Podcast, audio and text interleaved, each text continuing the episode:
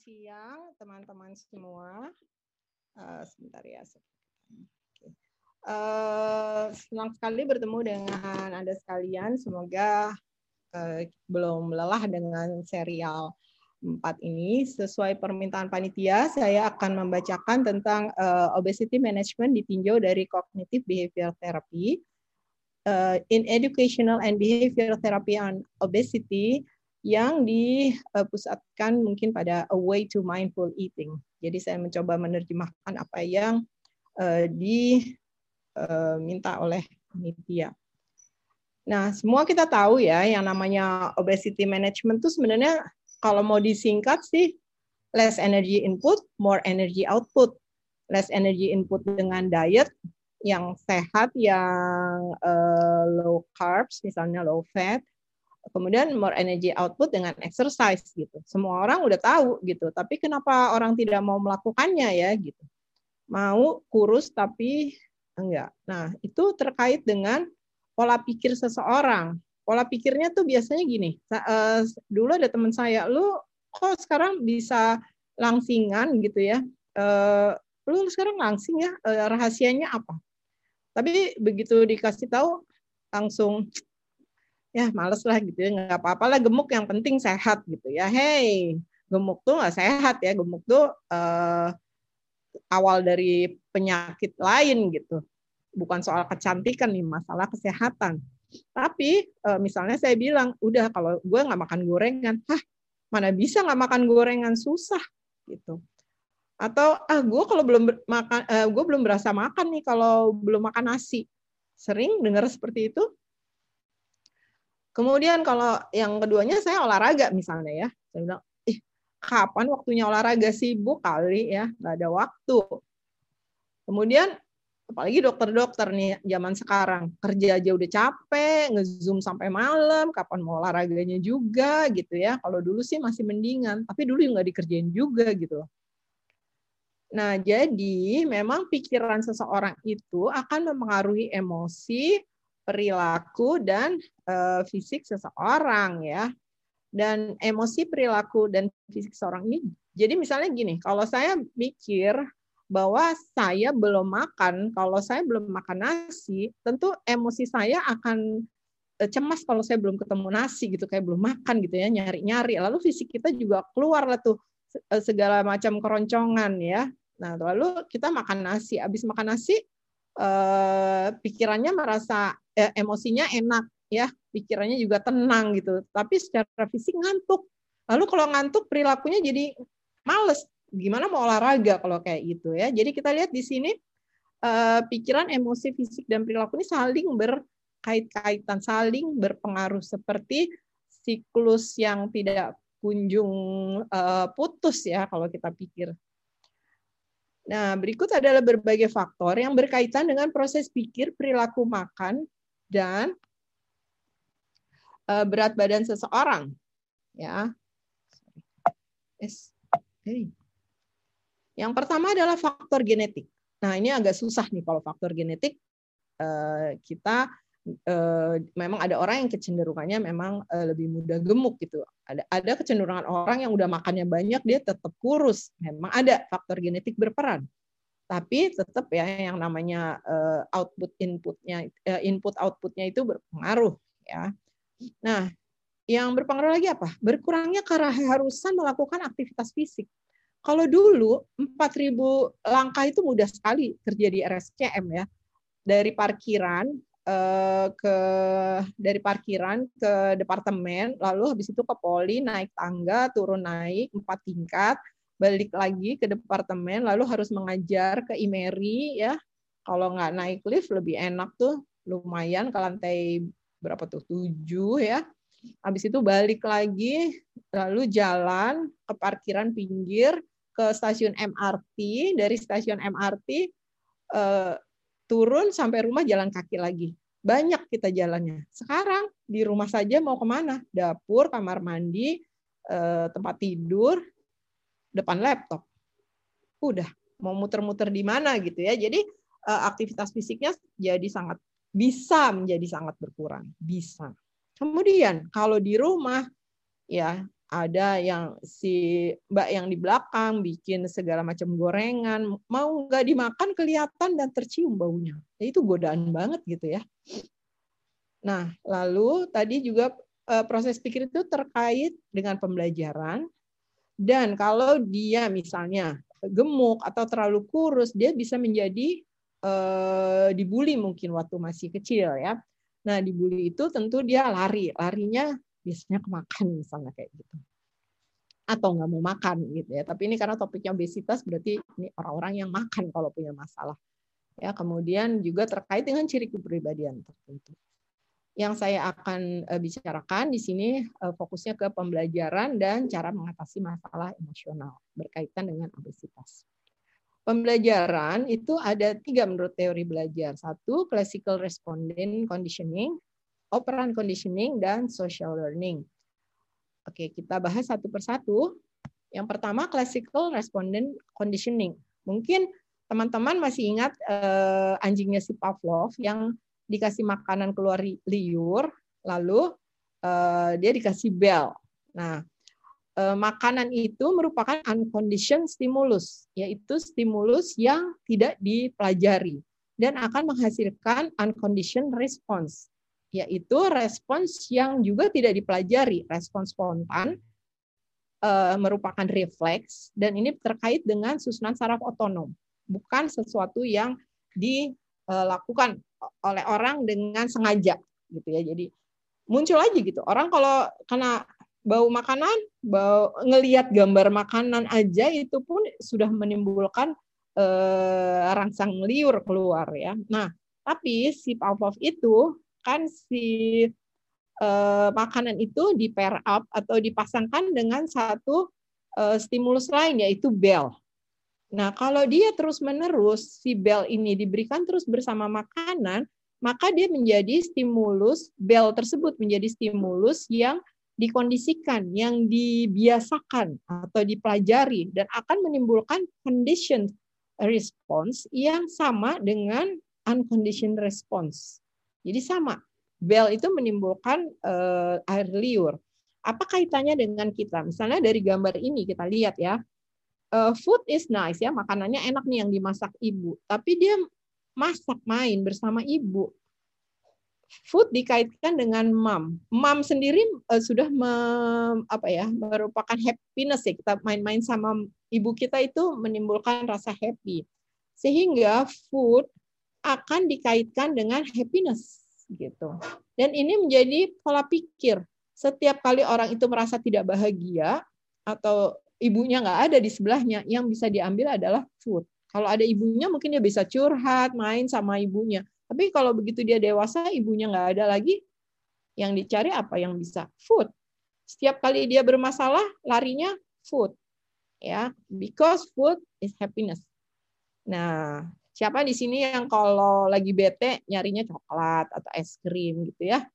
Itu walaupun secara biologis bisa dijelaskan juga apa yang dikandung coklat maupun gula gitu ya, tapi di sini kan sebenarnya banyak dong makanan lain yang bisa dipilih atau kegiatan lain yang bisa membuat orang bahagia gitu. Tapi karena sudah dikondisikan dari kecil bahwa makanan is happiness, jadi dia mencari happinessnya dari makan.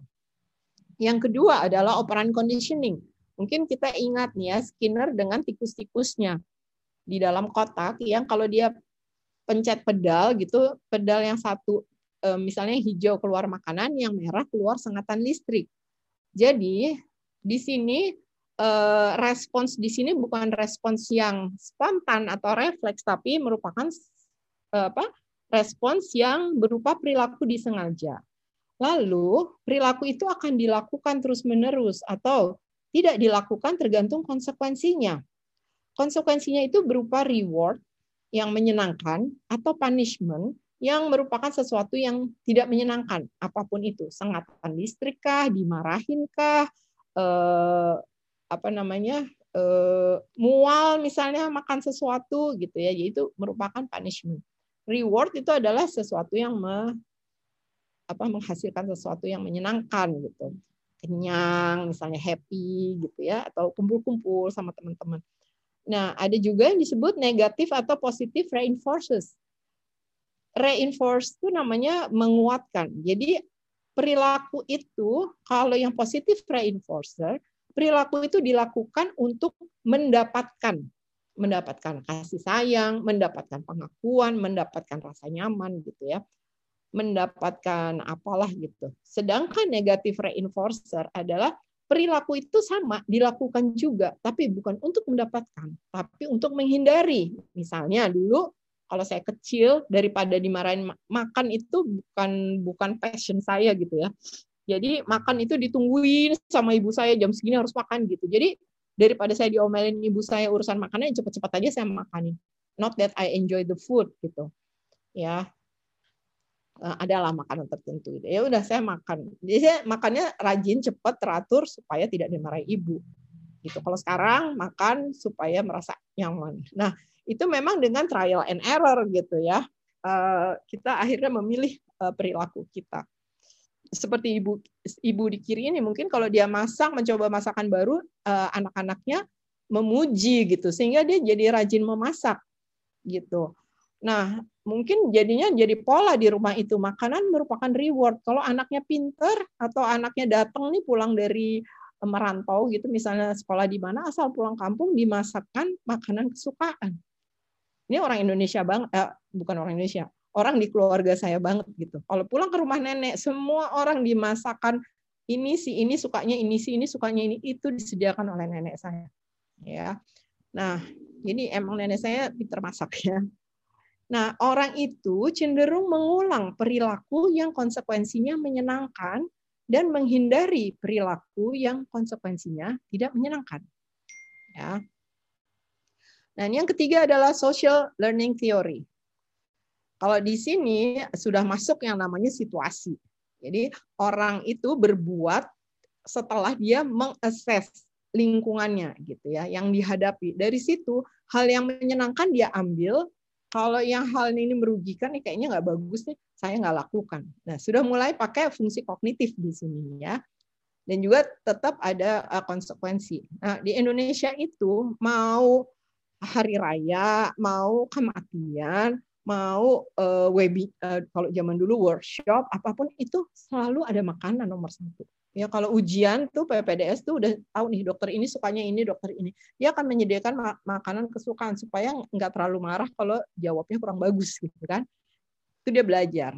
Nah tadi kita bicara juga tentang cara menghadapi masalah. Ya yang kedua itu tadi pembelajaran sekarang Eh, coping ya, coping strategi. Kalau ada situasi, maka persepsi orang terhadap situasi tersebut akan mempengaruhi emosi. Emosi akan mempengaruhi langkah yang dia ambil. Emosi juga akan mempengaruhi uh, fisiknya. Misalnya kita cemas, maka fisiknya jadi berdebar-debar misalnya. Berdebar-debar itu akan mempengaruhi pikiran lah kenapa gue berdebar-debar nih ya ada apa nih gitu dia jadi makin cemas makin cemas makin ngapainnya perilakunya mungkin akhirnya dia makan misalnya. Jadi perilaku yang kita lakukan itu akan menimbulkan konsekuensi juga. Konsekuensinya bisa kalau dia makan tentunya jadi gemuk gitu ya. Kalau dia nggak olahraga tentunya dia jadi gemuk. Kalau kita mau mengubah konsekuensi, kalau emosi ini kan hasil, fisik ini juga hasil. Ini susunan saraf otonom, nggak bisa kita kendalikan langsung. Sedangkan yang bisa kita kendalikan adalah pikiran dan perilaku. Kalau pikiran dan perilakunya itu kita ubah, konsekuensinya juga berubah, hasilnya akan berubah. Dan hasil yang berubah itu akan merupakan situasi baru yang mungkin sama orang itu mempengaruhi pikirannya lagi dan dia akan muter-muter lagi seperti itu. Nah ini uh, taruhlah ada suatu situasi Anda diundang ke suatu pesta yang seperti ini. Ini zaman dulu nih ya. Uh, kalau sekarang kita nggak bisa ngumpul-umpulan seperti ini. Tapi kira-kira di dalam pesta yang tidak umpel-umpelan, kira-kira banyak makanan apa yang Anda pilih? Anda stick to the plan, makan makanan rainbow diet Anda yang berwarna-warni indah ini, atau Anda ke rainbow yang seperti itu, yang gula isinya, ya, yang mana yang Anda pilih? Atau misalnya Anda udah berencana nih mau eh, olahraga dia besok gitu ya uh, sama teman-teman misalnya atau zaman dulu nih misalnya ke gym gitu. atau mau olahraga di rumah juga bisa misalnya. Pokoknya mau olahraga. Keluar, ternyata hujan. Atau PPKM, nggak bisa ke gym. Jadi ngapain nih enaknya? Terus tetap olahraga di rumah, pakai panduan dari YouTube misalnya, atau udahlah hujan tidur lagi aja, males gitu ya. Ada yang mana? Nah, kalau kita lihat seperti itu, mengatasi obesitas adalah masalah pengendalian diri. Pengendalian diri juga perilaku yang dipelajari.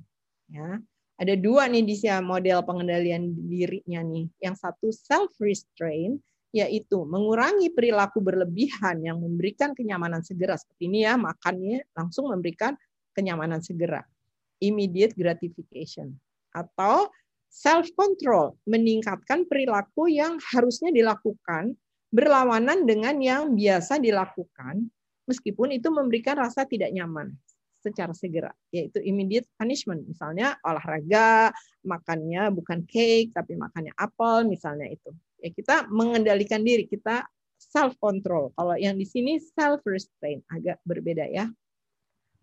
Nah misalnya eh, begini, orang itu memang cenderung memilih hal yang segera memberikan immediate gratification atau immediate reward dibandingkan melakukan hal yang memberikan rasa kurang nyaman sedikit gitu ya, immediate immediate punishment sedikit ya. Meskipun jangka panjangnya hal yang kurang nyaman itu bila dilakukan terus-menerus terus-menerus akan memberikan keuntungan atau delayed reward. Misalnya olahraga olahraga itu kalau kita olahraga udah lama enggak. Pertama kali olahraga itu kaki redek gitu ya, bisa jalan aja susah. Besoknya otot-ototnya sakit. Nah lalu orang udahlah saya nggak mau deh dipanis soalnya ya, immediate punishment saya nggak mau lagi olahraga misalnya ya, atau makan. Aduh kembung nih makan sayur melulu nggak biasa gitu, mesti nasi gitu ya. Tapi kalau begitu makan nasi dia langsung enak gitu. Meskipun kalau nih ya misalnya Eh, sedangkan misalnya hal yang memberikan kenyamanan itu bila dilakukan terus-menerus akan memberikan dampak yang buruk atau delayed punishment ya kayak makanan yang gula dalam tanda petik bukan gula yang putih gulanya macam-macam ya. Itu memberikan masa nyaman tapi kalau terus-menerus akan membuat uh, berat badan meningkat gitu jadi obesitas. Atau timbul masalah kesehatan lain misalnya hiperaktivitas jadi cranky atau apa ya Nah, kita uh, kembali ke topik yang diminta oleh panitia yaitu mindful eating. Mindful eating itu mungkin salah satu cara untuk mengendalikan diri. Uh, salah satu cara juga untuk mengendalikan emosi kita. Suatu cara untuk tidak impulsif gitu ya. Uh, sebelum kita mulai apa itu mindful eating, mungkin kita perlu kembali ke apa itu mindfulness gitu uh, mindfulness tuh asalnya dari uh, ilmu yang zen gitu ya, meditasi awalnya gitu. Tapi banyak dipakai untuk hal-hal lain sekarang ya. Intinya adalah keterampilan untuk memusatkan pikiran dan sadar penuh pada satu hal. Pada satu hal in the here and now dan bersikap non-judgmental. Tidak memberikan penilaian, tidak menghakimi, tidak mengevaluasi, terima aja gitu ya. Kita nggak mengaitkan dengan masa lalu, nggak mengaitkan dengan masa depan, tidak mengaitkan dengan pikiran perasaan atau hal-hal lain. Fokus ke satu hal in the here and now. Sehingga orang bisa lebih mampu menerima keadaan apa adanya. Nah, kalau sekarang saya tanya nih, sekarang pikiran Anda saat ini yang mana? Seperti orang yang sebelah kiri ini, ya, mindful, mindnya penuh dengan pikiran cemas tentang masa lalu. Aduh, gimana nih kemarin begini begini begini. Nanti besok jadinya seperti apa? Aduh, terus banyak sekali pikiran. Padahal di depannya ada pemandangan pohon seperti ini yang mungkin indah dan dia sedang berdua dengan pasangannya. Apa Anda seperti pasangannya yang mindful? Yang hanya melihat dan sadar penuh apa yang dihadapi saat itu, menikmati betul saat ini. Dan dia melihat segala sesuatu itu sebagai sesuatu yang baru, bukan untuk pengen ini, pengen itu gitu, enggak. Dia hanya menikmati saat itu. Anda yang mana? Ya, ini uh, mindfulness practice ini ada tekniknya. Satu, setelah Anda melihat, Anda mengobservasi dengan memerhatikan indera. Terserah, Anda pilih salah satu indera ya. Kalau lagi melihat, melihat. Kalau lagi mendengar, mendengar gitu ya. Lalu Anda jabarkan observasi itu. Dijabarkan, nggak perlu Anda ngomong gitu ya. Anda pikir aja, oh saya sekarang sedang melihat laptop, ada eh, ibu-ibu uh, sedang berbicara tentang mindfulness misalnya. Ibu-ibu itu pakai batik uh, yang warnanya merah marun misalnya seperti itu ya, dijabarkan. Dan uh, Anda engage gitu, participate gitu ya, menyatu dalam kegiatan yang sedang Anda hadapi itu. Caranya satu bersifat non judgmental gitu. Lihat faktanya saja, jangan mengevaluasi atau menghakimi. Misalnya Anda lihat ada ibu-ibu pakai kacamata, uh, bajunya uh, pakai batik, warnanya marun, pakai apa lagi tadi? Rambutnya ada uh, apa uban-ubannya, ada plester di jidatnya misalnya kayak gitu. Kalau menghakimi misalnya oh ibu ini uh, udah tua ya gitu atau ih jelek banget sih nih orang atau ih cantik banget nih orang cantik pun itu menghakimi gitu ya mengevaluasi kemudian one mindfully fokus pada satu saat ini saja. Dan uh, fokus pada tujuan dan cara mencapai tujuan. Misalnya sekarang kan mau belajar tentang uh, obesity management ya udah fokusnya ke situ aja. Jangan mikirin lagi uh, ayo belum makan belum masak nasi nih. Aduh itu gorengan. Aduh itu cucian belum di ini lagi. Aduh PR itu belum gue bikin gitu. Itu namanya nggak efektif gitu ya. Itu nggak mindfully. Ya, jadi Anda ribet sendiri rempong. Nah, kalau mau diterjemahkan dikaitkan dengan eating, maka mindful eating itu barangkali to eat with intention, ya. Intention mau sehat. Jadi Anda mindful to what you eat. Uh, mindful to what you buy. Kalau ke grocery store, lihat deh gitu. Kalau di tempat saya, misalnya saya biasa belanja di ranch market, masuk sebelah kanan itu adalah tempat sayuran, buah-buahan, eh, daging, protein pokoknya. Udah belanja di situ aja. Begitu belok kiri ada es krim, ada segala macam krim-krim gitu ya. Lalu makanan yang diproses. Belok kiri lagi menjelang keluar itu banyak permen, kue-kue, gula-gula. Kalau Anda mindful to what you buy, ya stick ke rainbow tadi tuh ya, yang merah, kuning, hijau yang bagus itu beli situ aja. Habis itu yang lainnya cepet cepet cepet cepet. Jangan belok terus jadi mau yang lain-lain.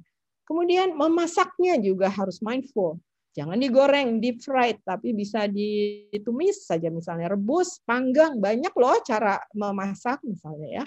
Dan waktu makan fokus. Ya.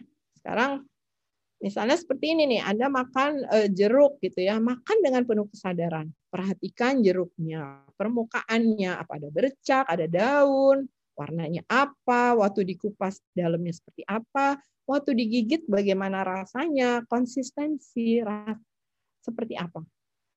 Seberapa sering Anda melakukan itu? Makan untuk makan, merasakan betul-betul Anda yang makan. Mungkin mengunyahnya juga lama, nggak langsung hop glok hop glok sambil hahaha nonton TV nonton Olimpiade misalnya kayak gitu uh, apa namanya uh, oke okay.